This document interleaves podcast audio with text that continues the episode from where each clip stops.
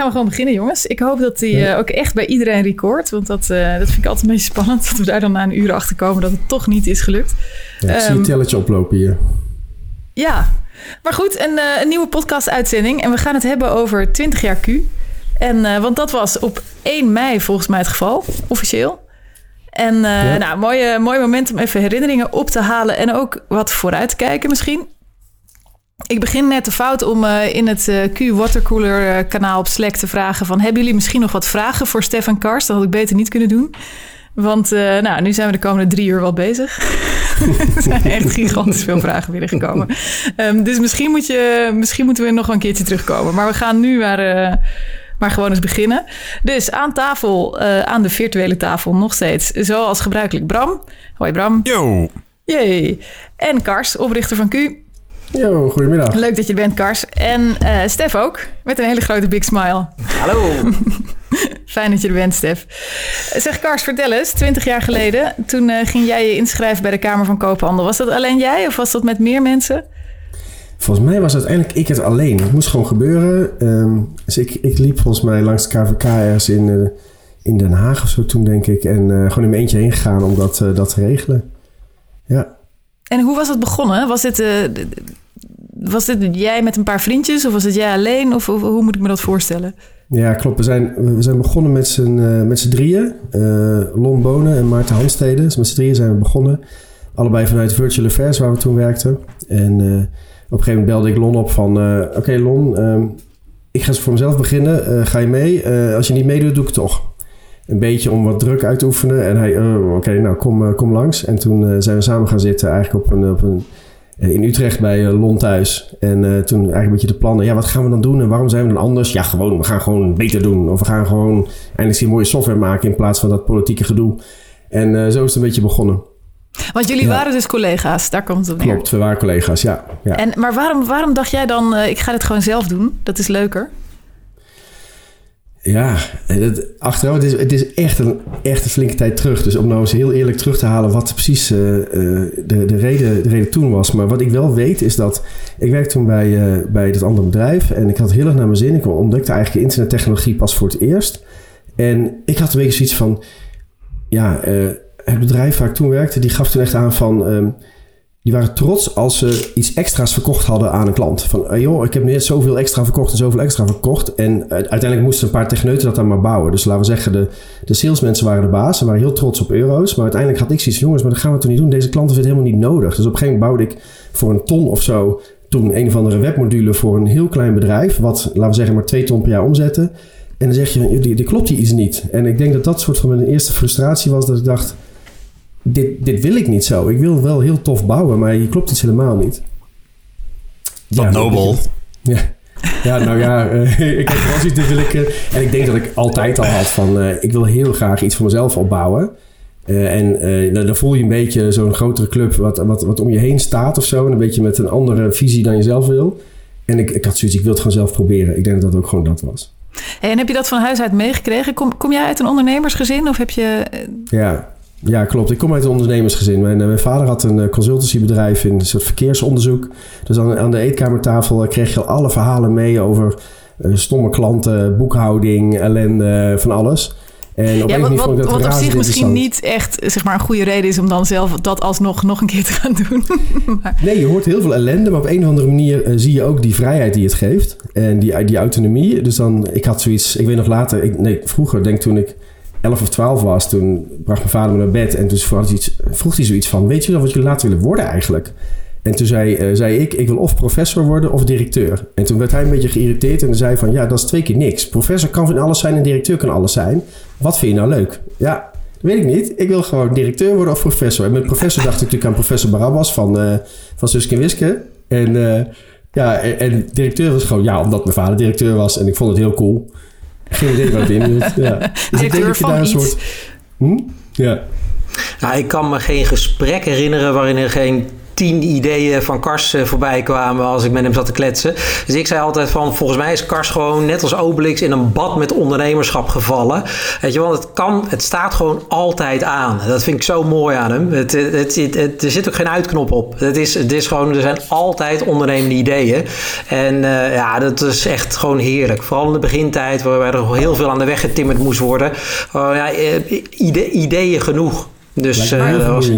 Maar wat leuk is, Stef, want als jij refereert naar de begintijd, dan heb je het over de begintijd van jou bij Q. Maar toen was Q al wel acht jaar onderweg, tien jaar onderweg?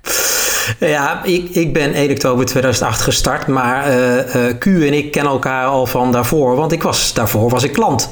Aha, en toen ben je gewoon binnengehengeld. Ja, ja, ja daar heeft Karst nog voor betaald, geloof ik. Ja, daar hebben we een goede boete op gehad inderdaad. Het schijnt je dat je de directeur van je klant niet in dienst moet nemen. En helemaal niet aandelen moet laten kopen. Maar hebben we het toch gedaan. Dus wij hebben gewoon een soort van uh, oeps en apologize later.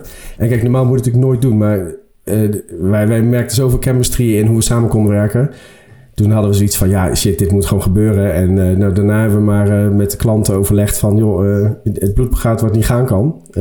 hoe gaan we dit verder oplossen?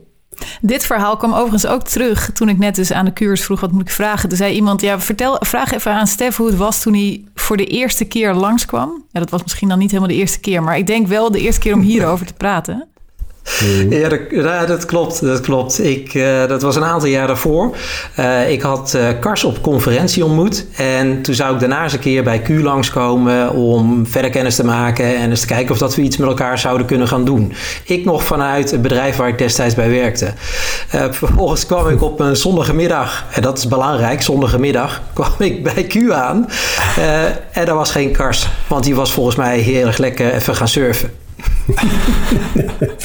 dus uiteindelijk heeft Bob de intro gedaan. En het is allemaal goed gekomen.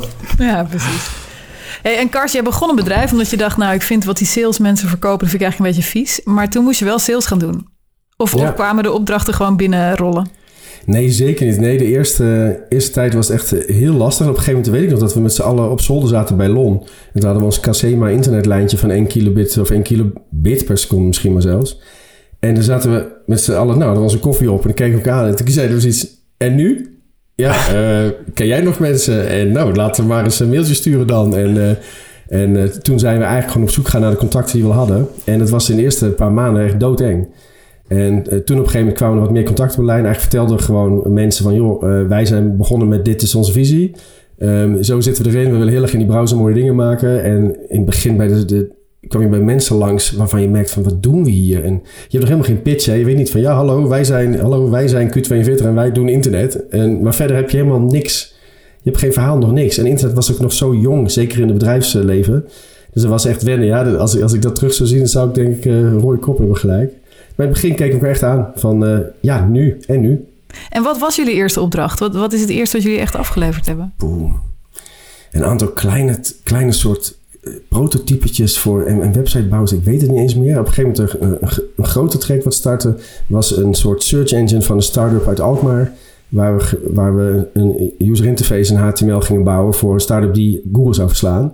En nou, dat is, eh, zoals je weet, niet gelukt. Maar het was een hele interessante klant. Het was, nog, uh, ja, het was een beetje aan het eind van die eerste dotcom-bubbel. Dus het was geen Ilse of zo? Nee, het was geen Ilse. Dat later kwamen we daar wel mee op de lijn, maar in het begin niet. Nee, dat was, uh, was Seven Miles heette dat toen. Hm. Ja, en dat was voor ons fijn, want daarmee konden we eigenlijk zonder financiering verder starten. Dus naast dat ontstonden toen een paar kleine projectjes, waaronder Regio Taxi Utrecht en echt de gekste kleine klusjes waar we websites Maar nooit een uh, websiteje voor de bakker om de hoek, zeg maar. Gewoon echt plaatje, praatje, websiteje, alleen maar tekst en plaatjes. Nee, eigenlijk... Was altijd, zat er wel iets, een cool component aan. Ja, bijna altijd zat er een soort cool component aan. En dat hadden we heel erg te danken aan uh, Maarten Handstede, die heel uh, soort cultureel gekoppeld was. Dus via de VPRO en bijvoorbeeld IFFR uh, maakten we contact. Waardoor dus het project al snel wat spannender werd dan gewoon de bakker op de hoek. Ik moet wel zeggen dat op een gegeven moment ook inderdaad, zoals regio Taxi Utrecht, dat ik zo'n woord in mijn hoofd geworden is. Uh, van ja, hoezo zijn we dat aan het maken? Maar toen bouwden we er altijd een of andere WYSIWYG editor omheen. Wat die klant helemaal niet gevraagd had. Ook veel te, veel te fancy pants. Van ja, sorry, je moet nu wel een nieuwe laptop kopen, want het is heel zwaar wat er allemaal in de browser gebeurt. Eh, dus dat was dan wel een beetje mis. Maar we waren wel in die zin echt nerds bij elkaar... die vooral het coolste en het coolste wouden. Terwijl die regiotaxi Utrecht wou gewoon zijn adres online. Ja, die En- waren en- een website, toch? Ik bedoel, Ja, dat was al heel spannend toen. Het was gewoon een website, ja. Ja, en wij, maar wij gingen daar dus veel te ver in. En dat, eh, daar hadden we veel, veel plezier mee. Maar eh, toen de tijd eh, dacht ik wel... oh, dat hadden we ook iets anders kunnen doen. En dan op een gegeven moment heb je personeel nodig. Ja, ja op een gegeven moment eh, merkte je van... oh man, wat een werk hebben we. En we, zochten mensen. En eigenlijk kwamen eh, mensen op onze lijn.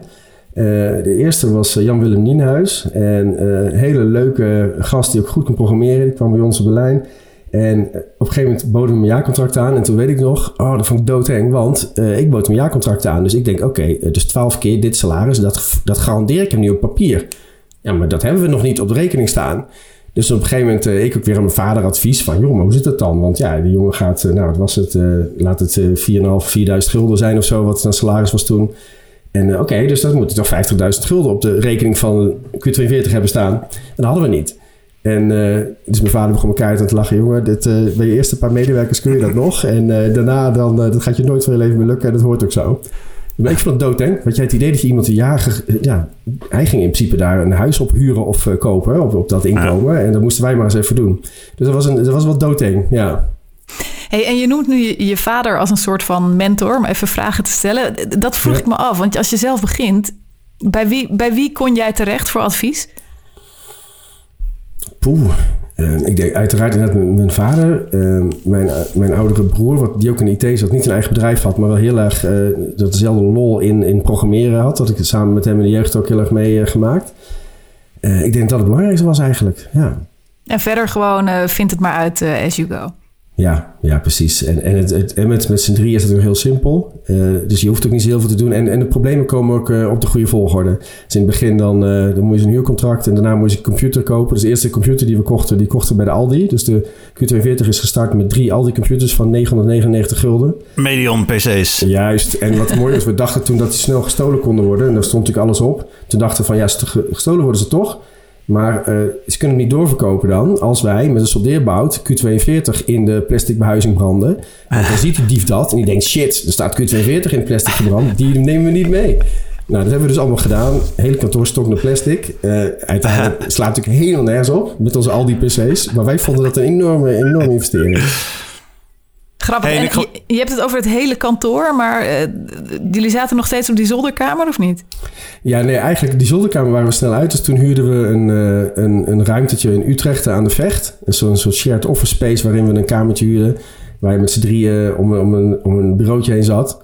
En eh dan was ik zo klein dat als er één naar de wc moest, moesten de andere twee opstaan. En daar zaten, hè, dan, dan hadden we met zo'n ADSL-modem. Oh, dat is niet eens ADSL trouwens. En dan zei iemand, oké jongens, ik moet weer even online mail checken. En dan nou, ging, de modem aan en dan checkten met z'n allen mail. En al, iedereen als een gek browsen en dingen opzoeken. Dus ik had een papiertje waar ik opschreef... dit moet ik even op MSDN online van Microsoft even checken. En zodra we dan online gingen, dan checkte ik dat. Ja, dat was, eh, dat was daar. En daar. Maar daar hebben we uiteindelijk met drie maanden gezeten. En toen zijn we in, in november van datzelfde jaar, van eh, 2000... zijn we naar eh, Den Haag verhuisd.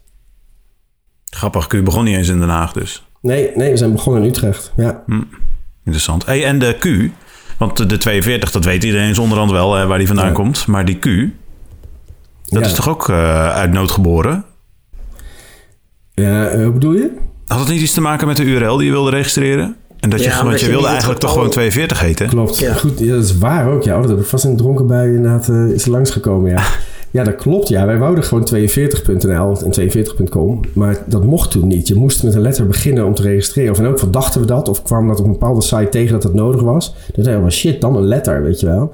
En toen was het een beetje inderdaad eh, de question. Want wij waren toen er wel van, ja, wij willen maken wat, eh, wat er echt nodig is. Dus wij gaan altijd terugvragen, wat zoek je nou echt? En dat gaan we maken. Dus die, die vraag achter het antwoord. En daar komt die Q uit vandaan. Maar het was inderdaad, dat is waar ja, we wouden gewoon 42, klaar. Geen gedonder. En toen later kon het dus wel, potverdorie. Ja, en volgens mij is er nu ook zelfs een internetbureau dat heet gewoon 42. Ja, die moeten we nog even opzoeken. Ja, En kopen. ja, ja. Ik, dat klopt. Ja. We we hadden toen ook iets wat we ons heel, heel cool vonden. Was, we wouden sowieso iets met een getal. En 2020 van Clear Vision, zeg maar, de Amerikaanse manier van eh, dat je ogen goed zijn, dat vonden we ook heel gaaf. Hm. Ja, en eh, 69 leek ons geen goed idee. Nee. Hey, en over getallen. ehm, jullie gingen langzamerhand een beetje mensen aannemen. En eh, het moment dat er tien mensen waren, dat was echt een groot moment volgens mij. Tenminste, die krijg ik van een aantal mensen terug. Van we gingen nooit groter worden dan tien man. Ja. Maar dat gebeurde toch relatief snel, denk ik. Ja, ik weet niet precies welk jaar het gebeurde, maar ik weet inderdaad nog dat op een gegeven moment dan, dan werd het bedrijf toch een paar man. En ik denk dat zes of zeven of zo. En toen eh, kreeg ik ook wat vragen van de, de e-, eerstgediende. Van ja, maar eh, wat gebeurt er nou allemaal? En ik ken straks niemand meer. En uh, zo, het ging al heel snel. En, en toen had ik, zo dacht ik, oké, ik voel me geroepen als oprichter om een soort speech te houden van wat de visie van het bedrijf is. Maar mijn visie was gewoon met z'n allen hele mooie software maken. En de rest komt vanzelf. En, maar het werd gewoon tijd om dat wat beter te gaan formuleren. En dus ik een keer ergens bij een restaurantje of wat dan ook verhaal houden. En een deel van die speech, of ik eindigde met van jongens, let op mijn woorden. En wij worden gewoon nooit groter dan 10 man. Wij blijven dat delicatessenshopje van mooie internetsoftware. En 10 man is gewoon de grens en dat gaan we gewoon vasthouden. En uh, dat was ik daarna ook gewoon glad vergeten. En uh, een paar jaar later, inderdaad, dan weet ik nog dat we met een uitje van uh, Q42 toen ergens in een restaurant zaten. En ik keek zo achter me en toen denk ik, shit, ze hebben het hele restaurant afgehuurd. En toen waren we nog met partners erbij. En toen zaten we denk, waren we denk ik met z'n 30 inclusief partners. Dus dat was inderdaad een, een mooie failure of zoiets. Maar ik heb het ooit gezegd met echt het. Ik denk dat ook toen we begonnen, dat ook zeiden. Maar wij, wij zijn een delicatessenshopje, gewoon met een paar mensen. Um, je huurt ons op ons specialisme en dat gaan we doen. Maar al heel snel natuurlijk kwamen we erachter dat je grotere dingen wil aanpakken dan alleen maar uh, in one of een two-man job. Uh, dus dan merk je van shit, ik heb meer expertise nodig, het wordt groter en uh, dan was alleen maar fijn. Maar ja, van tevoren, ik heb het echt gezegd, dat, dat, dat is waar. Maar je Ja. bent niet gegroeid naar 300, 400, 500 man, 1500 man eh, over alle continenten en dergelijke. Dat heeft ook een reden, neem ik aan. Ja, dat klopt. Ja. ja, wij zijn per ongeluk gegroeid. Zo voelt het altijd een beetje.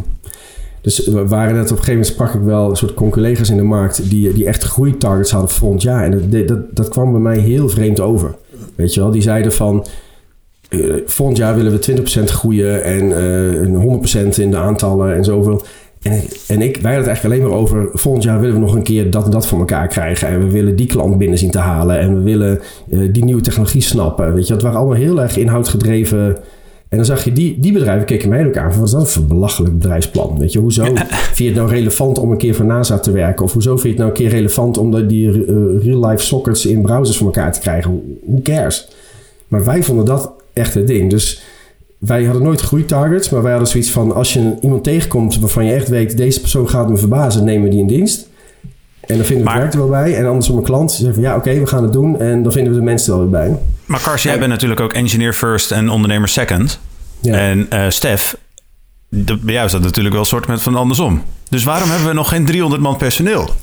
Waar zijn die groeitargets? Ik, ik, ik, ik wilde net zeggen, ik weet nog dat eh, Kars en ik eh, eh, op een conferentie waren van Google in eh, San Francisco, een jaar of vijf, zes geleden.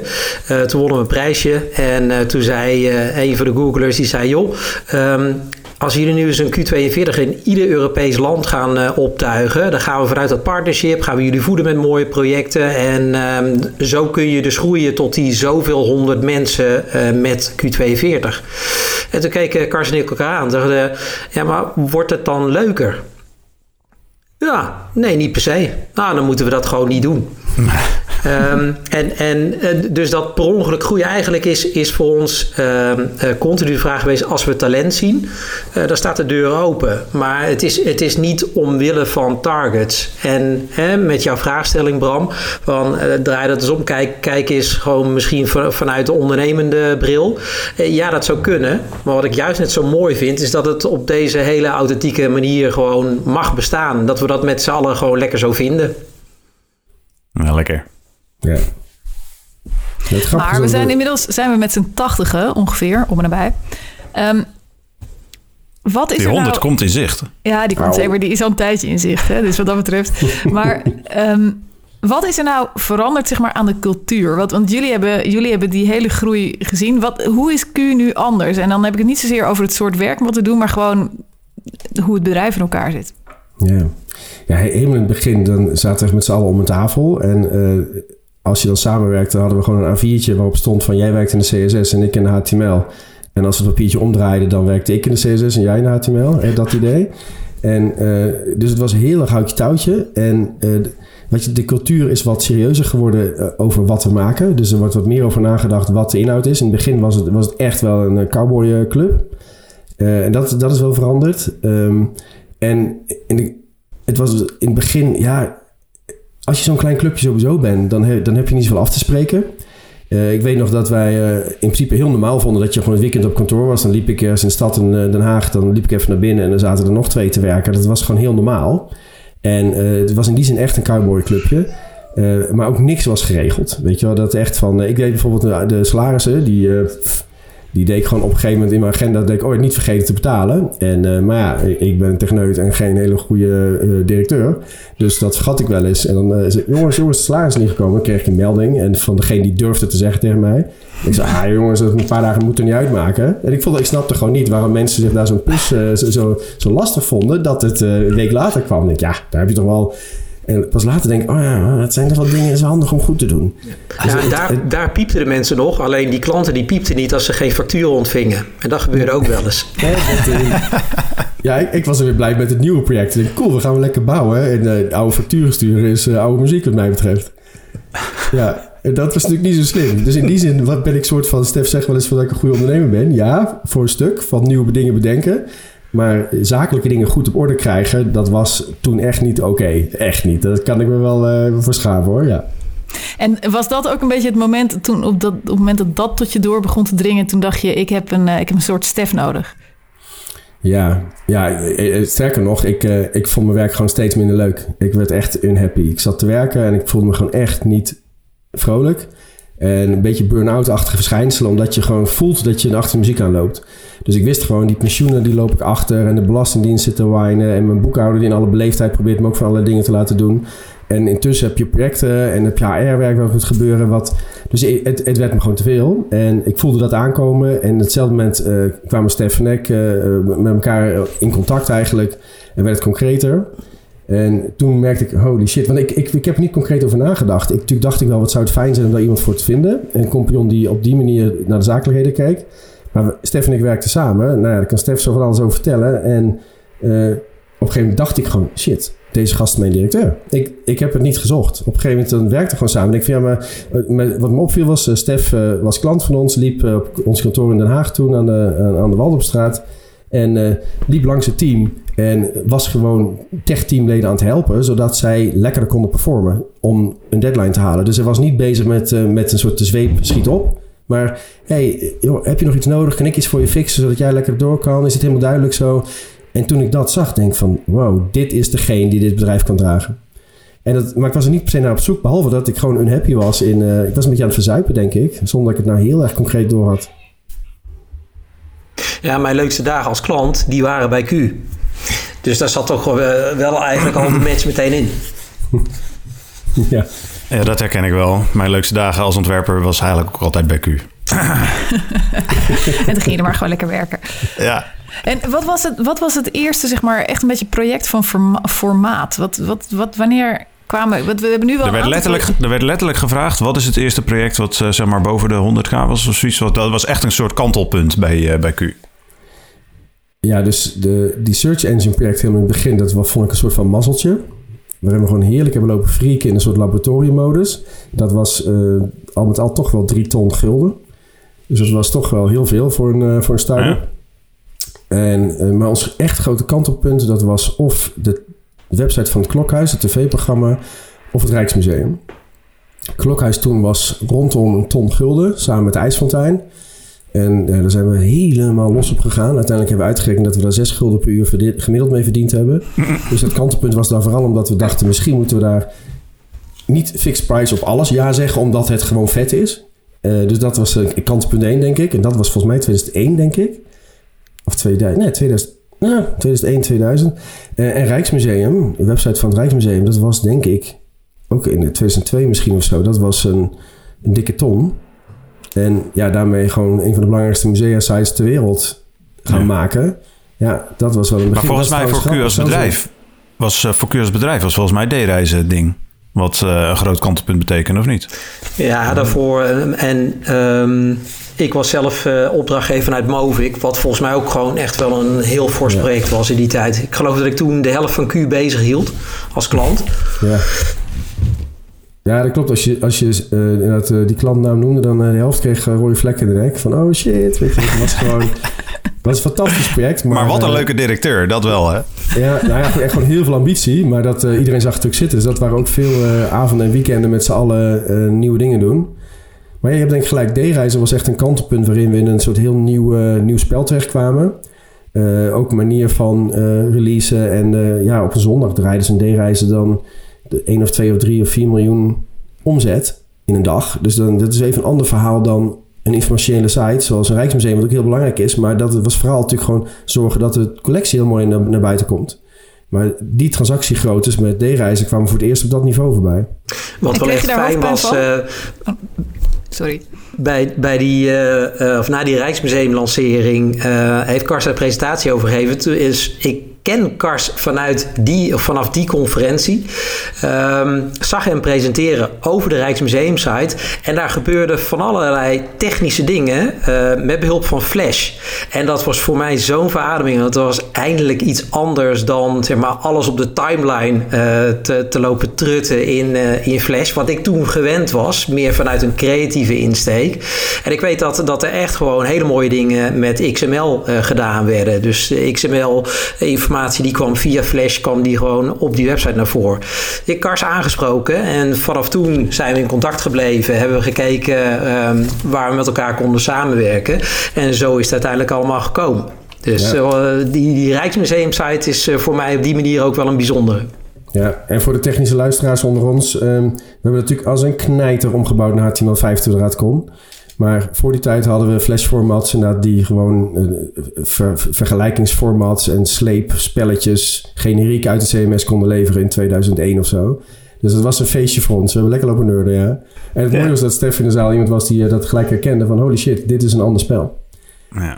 En eh, wat, wat jullie aangeven bij eh, D-reizen. Ik weet nog dat we, dat we destijds ehm, de vraag kregen van de directeur van D-reizen: van hey beste Q, hoeveel procent van jullie omzet ben ik? Want eh, toen was er toch, toch wel de vrees van, nou ja, hè, is dat niet te dominant? En wat als ik wegval, zijn jullie dan een jaar later nog wel?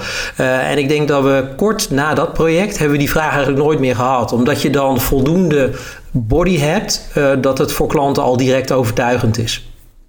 Ja. Maar dat veranderde waarschijnlijk de manier van werken ook heel erg. Hè? Op het moment dat je zo'n grote klant hebt die er dan ook nog eens zeg maar, zo voor zijn omzet afhankelijk van is. Ja, dat is een Ja. ander soort verantwoordelijkheid. Is, is dat ook het moment waarop zeg maar, projectleiding bij Q een beetje binnenkwam? Of was dat al eerder? Ja, ik denk dat je gelijk hebt dat, dat, eh, dat, dat toen, eh, laten we zeggen, de, de, het ambacht van goed projectleiden op de Q-manier echt keihard nodig was. Ja, want wie Eh, had ook alweer vergeten om die documentatie op te leveren van D-reizen? Dat, eh, oh, hou op. Ik denk dat ik dat was. Schat ik zo.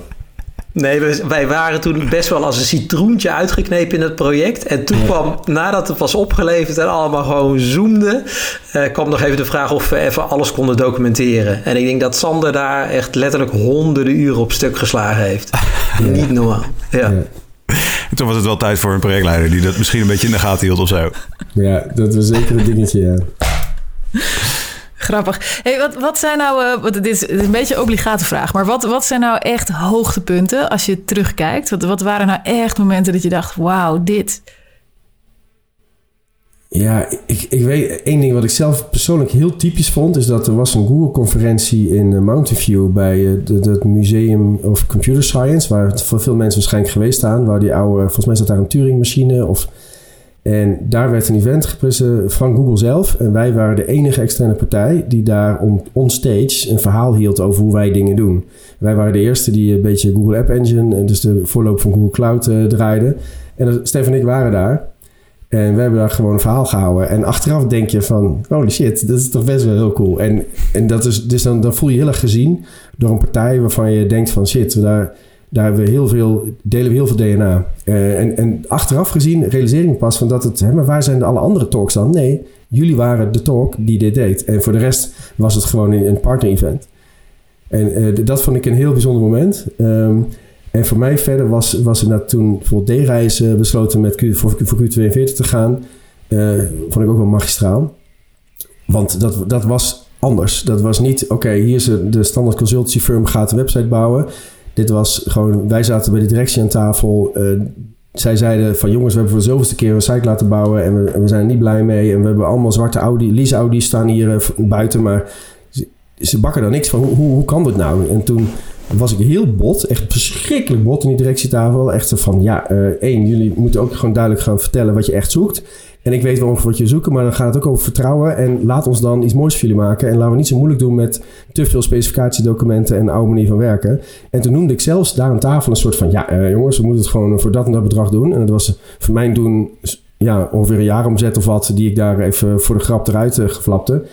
Omdat ik dacht echt dat het dat kostte. Maar en dat getal is uiteindelijk ook gewoon een project geworden. Ongeveer een kwartier later had die directie besloten... oké, die lui uh, daar willen we mee in zee. En, en, want ik had gezegd, hiervoor kunnen we het doen. Maar dan moeten we niet zeuren over functionaliteiten. Dan is het ook gewoon zo gaan we het doen. En als er iets anders is, dan hebben we gewoon een goed overleg. En dan gaan we door. Nou, uh, uiteindelijk is het project gestart. Uh, in het begin liep het heel goed. Op een gegeven moment merk je toch wel veel politiek. Dus daar kwam uiteindelijk toch die citroen en uitgeknepenheid door. Maar dat moment dat je zo'n klik hebt met zo'n directie, dat vond ik wel fantastisch. Ja. En voor jou, Stef? Och, ja, um, eigenlijk gewoon veel momenten. Um, toen je net de vraag stelde, dacht ik van ja, het, het, voelt voor mij een beetje alsof je vraagt welke van je kinderen je het leukste vindt. um, en uh, uh, ik, ik zie er dan meteen heel veel. Ik vind uh, het winnen van pitches vind ik echt mooie momenten binnen Q. Waarom? Omdat er heel vaak een team voor gestreden heeft. En als je dan de motivatie van een klant erbij hoort, denk ik, oh wauw. Weet je, dat, dat, zeker als, als ze ons echt begrepen hebben daarin. Dus um, wat Kars aangeeft, een D-reizen. Alleen bij dat handtekeningmoment was ik nog niet bij. Um, iets later, bijvoorbeeld de staatsloterij wel. Um, en ik weet nog dat dat echt gewoon wel een flinke battle is geweest. En als je die dan wint, zeker als je weet dat je eigenlijk de nummer 2 was, maar toch de nummer 1 geworden bent, uh, omdat het personeel van Staatsloterij dat, dat ook echt zo vond, um, vond ik dat een heel mooi moment. En dan fast forward naar heel recent.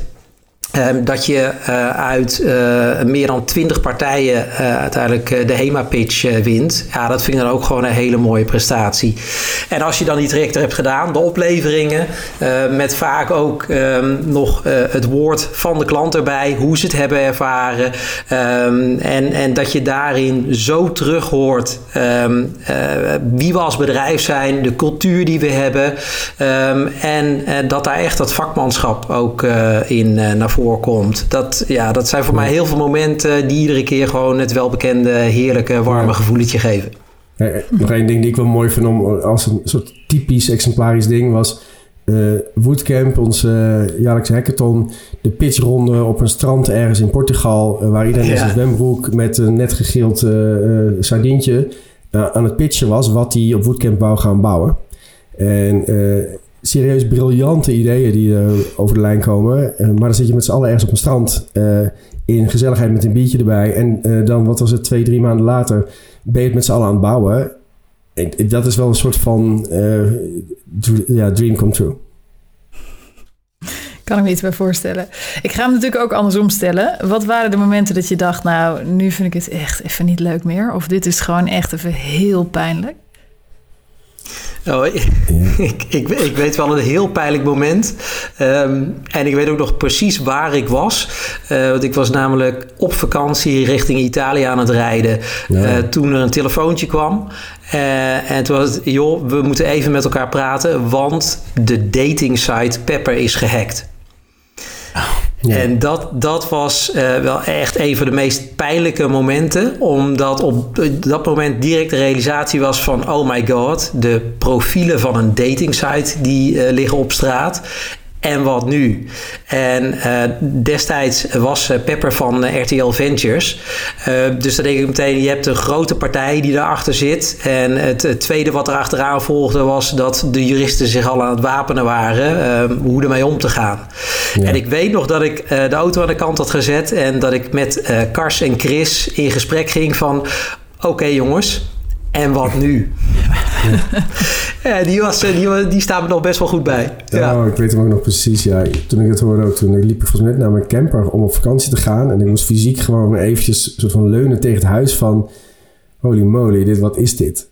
En eigenlijk was het best wel duidelijk waar de schuld lag. En uh, dat was niet eens zozeer onze fout. Maar daarna begint er een enorm spel.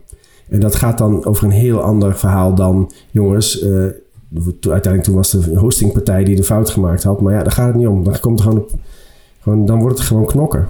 En dat was wel heftig, ja, dat weet ik ook nog. Hey, en op persoonlijk vlak, want jij, jij gaf zelf net aan, Kars, van op een gegeven moment groeide het me gewoon een beetje over mijn hoofd. En, en nou, dat, dat was niet leuk meer. Zijn er meer van dat soort momenten geweest dat je dacht, joh, nu gaat het een kant op waar ik eigenlijk niet zo uh, blij mee ben? Ja, uh, ik denk dat er genoeg punten zijn waarin je dat voelt. En soms zijn het wat korte momenten en soms wat langer. En een grote lange moment voor mij was uh, een jaartje of vijf, zes terug voor mij. Dat ik, uh, dat ik merkte van, hé, hey, ik heb nu 15 jaar bij Q projecten gedaan. En op heel veel plezier. Maar ik merkte dat ik gefrustreerd raakte dat heel veel klanten aan het eind van het project zeggen... nou, klaar, dankjewel, helemaal blij, hier een taart en wat een fijne samenwerking. Nu gaan wij ermee verder. En ik denk, ja, maar ik wil weten wat het is om dit product verder te tunen en te leren. Nu komen de echte iteraties. Waarom kunnen we niet gewoon met een team door de hele tijd? Nou, dat is in, in zo'n consultancy manier vaak onbetaalbaar. Dat zijn alleen de hele grote partijen die dat zich kunnen veroorloven. Maar ik wou, laten we zeggen, autonomer zoeken en snappen wat het was. En ik merkte echt dat het zo begon te knagen dat ik, en dat ik een soort loyaliteitsprobleem kreeg. Van shit, ik wil niet stoppen met projecten doen, maar ik geloof dat ik dit wil leren. Uh, en uh, toen ben ik drie maanden op een sabbatical geweest, wat heel goed voor mij was. En de sleutel werd me ook echt afgepakt door, door, Tim. Ik moest op een kratje staan. Daar was een heel, heel feestje van gemaakt en alles. En toen moest ik de sleutel geven. En ik weet serieus dat ik hem moeilijk uit mijn handen kon laten gaan. Ik stond daar echt zo van... Ah, oh. dat liep me echt niet koud, dat weet ik nog. En na die drie maanden um, kwam, ik, uh, kwam ik terug met, met het idee van... Wat, wat, wat zou het dan kunnen zijn? En toen kwamen we een beetje met het uh, uh, Area 42 idee. wat uiteindelijk Q42 Ventures geworden is. Van hoe... hoe hoe kunnen we nou gecombineerd met projecten ook autonome plannen doen die wat verder gaan dan de visie van een klant? Want soms dan moet je gewoon meters maken om daarna ook de klant goed te kunnen adviseren. En uh, dat was best wel een groot ding voor mij. Ik vond ik doting. Ik weet nog dat ik uh, Chris en Stef uh, zat in een kroeg in Antwerpen, zoals we dat vaak deden. En zo van, oké, ik moest dit vertellen eigenlijk. Ik zei, ik wil geloof ik even wat losser van Q, uitdokteren wat het is om die ondernemerschap te kunnen doen. Op een of andere manier. En ik wist ook niet hoe, maar ik was bloedzenuwachtig. Echt heel raar. Dus ik zei het echt met, met zo'n trillend stemmetje van... ja, ik geloof echt dat ik dat wil en kan dat. En ik weet, jullie allebei zeiden tegen mij van... Uh, van oh man, mooi plan, goed, doen, klaar. Nou, nog een biertje. En ik was een beetje zo van... Huh? ja, ja, dat was... Eh, maar dus wat te gek dat, want dat heeft voor Q uiteindelijk ook heel veel gebracht. Zoals jumpstarts die eruit ontstaan zijn. En allemaal uh, nieuwe manieren van denken. En nu, uh, nu zelfs een Turtle Blaze en uh, Lesson Up bijvoorbeeld. en, maar toen weet ik nog dat ik knijtertje zenuwachtig was. Ja, grappig, want je zegt het heeft Q heel veel gebracht en ik herken dat. Hè, en alle eh, namen die je nu noemt, zie ik ook. Maar als je kijkt naar zeg maar, uh, ons werk en, en waar we ons geld mee verdienen, dan is het natuurlijk toch nog nou, 90% consultancy. Doe ja. ik nu even uit mijn hoofd. Ja. ja, ik denk ook dat dat voor Q is daar gewoon heel erg goed in. En moet dat precies zo blijven doen. Maar het gaat Zijn nou consultancy? Nou ja, zo noemde Kars het, dus dan zeg ik het ook. Ja, een soort van uren verkopen. ah. Kijk, Q is natuurlijk geen consultiefirm. Aan de andere kant, uh, je doet projecten en je maakt een inschatting hoeveel werk het is... en je probeert het zo goed mogelijk te doen. En dan heeft Q een hele andere manier van aanpak. Maar ja, ik snap hem wel. Um, wat ik denk is dat uh, de manier waarop wel heel sterk is beïnvloed door uh, de, die, dat autonomere denken. Dus uh, heel vaak merk je nog steeds als een klant iets vraagt dat, uh, dat, dat dan de klant van de engineers terugkrijgt van ja, maar waarom dan? En wat wil je er echt mee bereiken? En dat komt omdat we met z'n allen heel erg waarderen als je snapt waarom. En niet gewoon van, ah, mooi, het zijn weer 100 uren verkocht kassa. Nee, het gaat over wat wil je dan echt fixen? En, en dat is wel een beetje, denk ik, iedereen voelt zich heel erg gezien in het bedrijf. Uh, mijn gevoel is dat het heel erg komt vanuit die, uh, die soort ondernemende start. Ja, ik denk dat het productdenken er heel erg sterk ingekomen is. Dus of het nu ons eigen product is of dat van een klant, uh, dat productdenken staat wel centraal. En daarin zeggen we natuurlijk heel vaak, die eindgebruiker, die, die hebben we voorop staan. Um, maar ik zie wel dat we daarin echt een stuk professioneler zijn geworden. Techniek ja. is echt het middel en het dient een hoger doel. Klopt. Ja, grappig. Is dat mooi zeg? Heel Schiet er gewoon een beetje van vol. dat is nog tenslotte wat te horen. ja, wat, ik wel, wat ik me afvroeg, hè, dat is een beetje naar voren kijken. Maar ik dacht, Was Q en zoals, we, zoals het bedrijf in elkaar zit en zoals we dingen doen, was dat nou vroeger unieker dan dat het nu is in het landschap? Wat denk jij, Stef? Ehm, unieker, eh, ja, ik kan de vraag op meerdere manieren uh, interpreteren, want uh, er waren minder bureaus, dus dan ben je vanzelf denk ik al, al wel wat unieker. Um, ik denk wel dat we um, op dit moment dat we een uniek zijn omdat we uh, nog steeds een sterke monocultuur hebben en omdat we niet alle disciplines op de werkvloer uh, hebben. Ik denk dat er heel veel partijen zijn die wel richting full service uh, binnen eigen burelen zijn gegaan. Mm -hmm. um, en uh, dat wij altijd, uh, zoals uh, we het zelf zeggen, gewoon lekker gewoon zijn gebleven. Gewoon blijven doen wat we altijd hebben gedaan. Um, waarbij er wel steeds meer technisch specialisme is opgebouwd. En waarbij we ook wel zien dat we tot en met uh, de bestuurskamer uiteindelijk in, in gesprek uh, gaan tegenwoordig. Ja. Uh, maar het blijft wel vanuit die technische achtergrond. En misschien is dat, dat wel ook gewoon het belangrijkste onderscheid. Ja.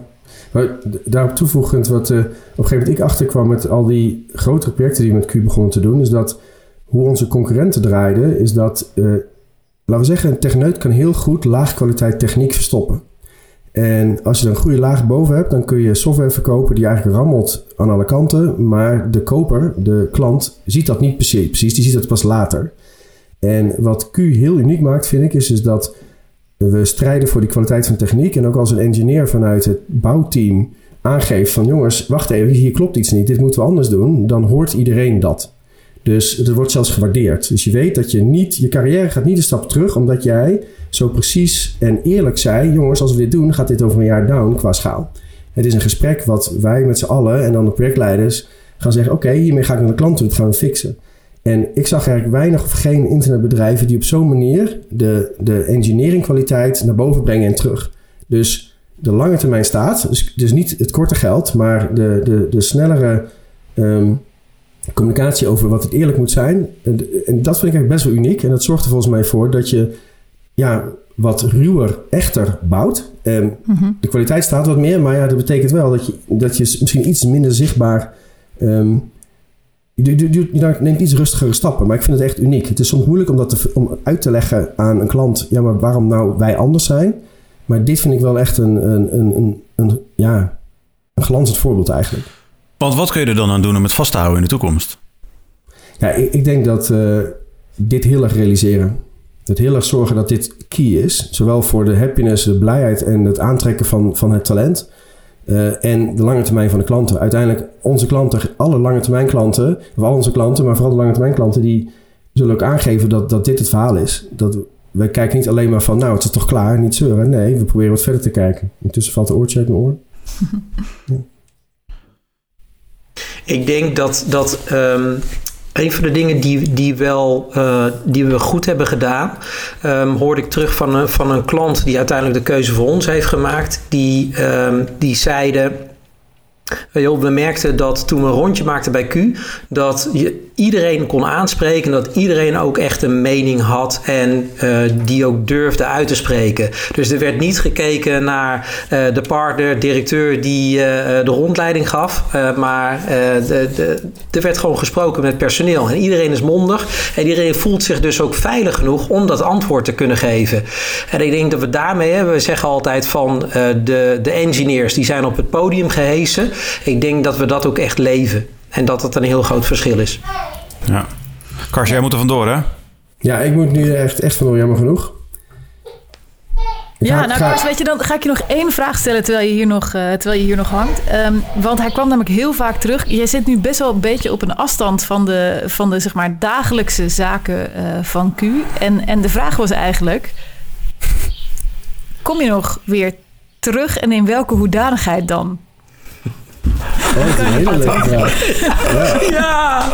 Ja. ja. Hoe, zou dat zijn? Ja, ik merk nu dat ik uh, behoorlijk opgeslokt word in het werk van Lesson Up, wat, uh, wat nu staat. En dat zal nog wel een uh, paar jaar zo zijn.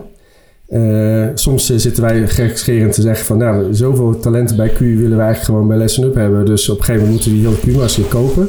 Maar goed, zo, zover zijn we nog niet. Takeover. Ja, dat, ja, ja, goed, dat, eh, ik denk dat voor iedereen eh, werk heeft die bij Q werkt, ja. Maar, ehm, eh, en eh, wat ik denk is dat eh, sowieso zijn we veel over de vloer, maar ik, hoop dat over een paar jaar dat, eh dat Lesson Up weer een, vervolgplek heeft of dat daar weer een nieuwe directeur gevonden heeft die Lesson Up weer een stuk verder kan brengen.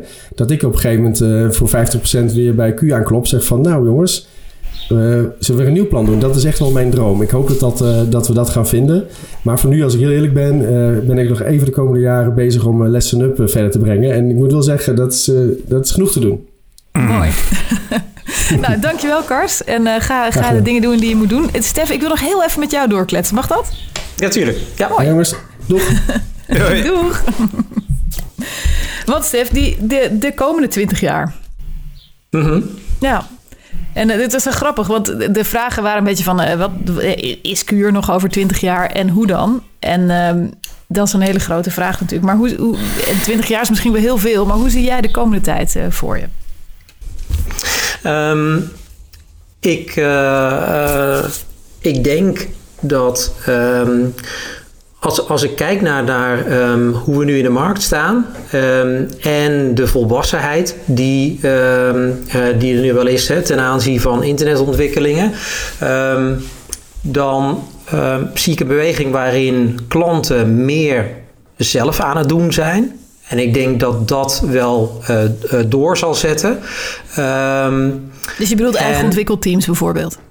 Ja, ja. Dus eh, misschien beter gezegd dat of die klant die beslist om echt voor de lange termijn om dat te outsourcen, dus met externe eh, partijen in te vullen, of ze willen het allemaal eh, uiteindelijk zelf gaan doen.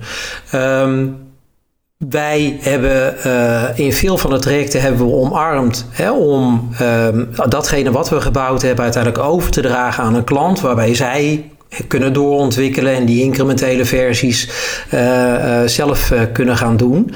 Ehm, als ik naar de toekomst kijk, denk ik dat ehm, veel van het huidige werk makkelijker aan het worden is. En dat betekent dat als wij, weer, als wij er over 20 jaar nog steeds willen zijn, ehm, dat daar meer specialisatie ehm, zal moeten komen.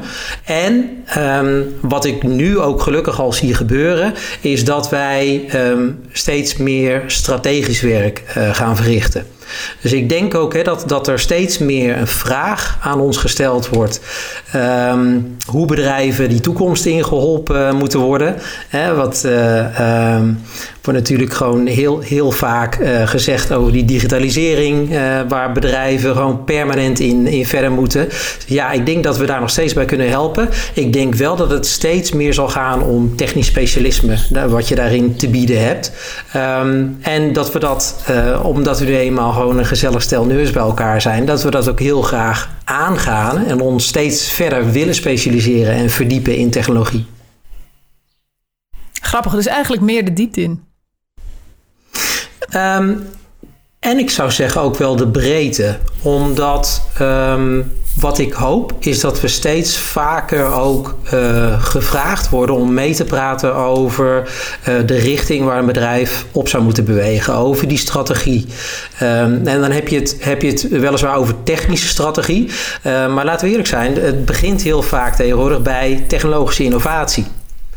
Ehm, en daar hebben we wel graag iets over ehm, te vertellen of daar willen we graag over hebben we daar wel een meepraten. mening over, ja. Ja, ja. ja. ja. Nee, precies. Hey, en ehm, dat, dat- ik, ik snap, ik snap eh, wat je zegt. Het is wel grappig, hè, want de discussie blijft altijd een beetje terugkomen van... eh, moeten we dan niet toch full service en moeten we niet toch... En die blijft waarschijnlijk ook eindeloos weer terugpongen. En ik denk ook niet dat daar een eenduidig antwoord op is. Of is die er wel?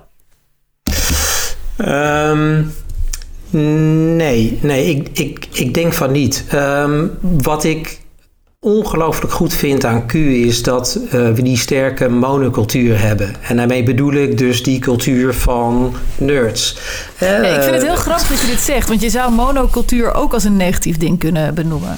Ja, ja, ja. Nou ja, goed dat je, dat je die uitspreekt. Want ehm, ehm, zoals wij het altijd zeggen, we hebben gewoon een positieve connotatie met nerds. Hè. We, onze geuzennaam, Happy Place for Nerds, is omdat we ons uh, daar lekker bij voelen, veilig bij voelen. En dat uh, we, we, toch ook wel zien dat in die digitale wereld, de wereld die steeds digitaler wordt, um, dat, dat het steeds relevanter aan het worden is.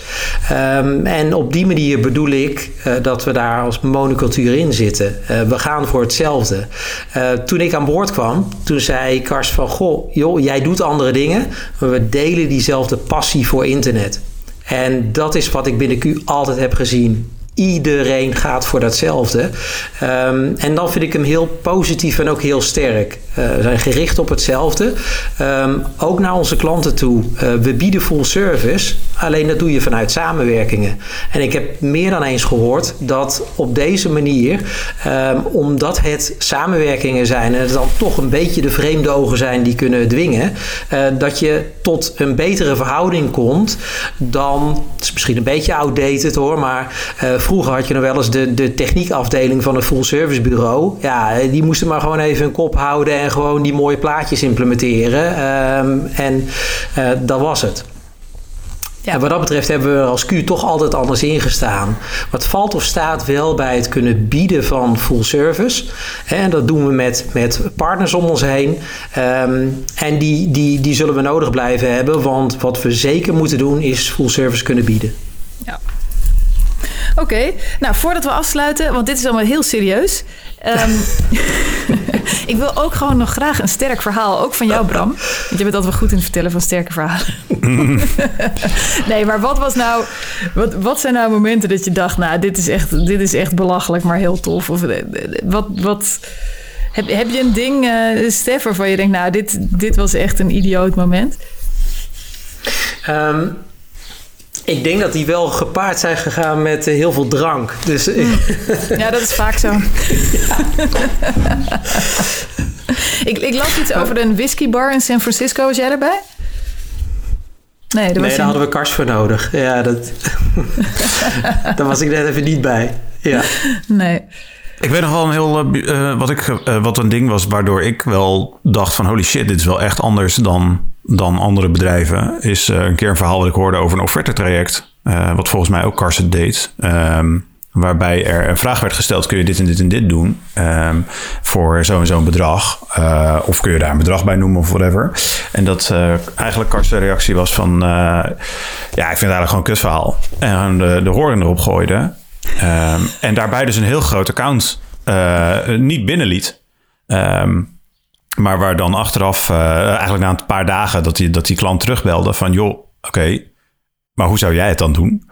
Uh, want omdat het project werd gewoon puur op de inhoud afgeschoten. En, en dat daardoor eigenlijk werd teruggebeld van... joh, oké, maar hoe zouden jullie het dan doen? En dat is, dat is volgens mij precies ehm, die kern van, van wat, wat QQ maakt, voor mij in ieder geval... is dat het eigenlijk altijd start vanuit de inhoud.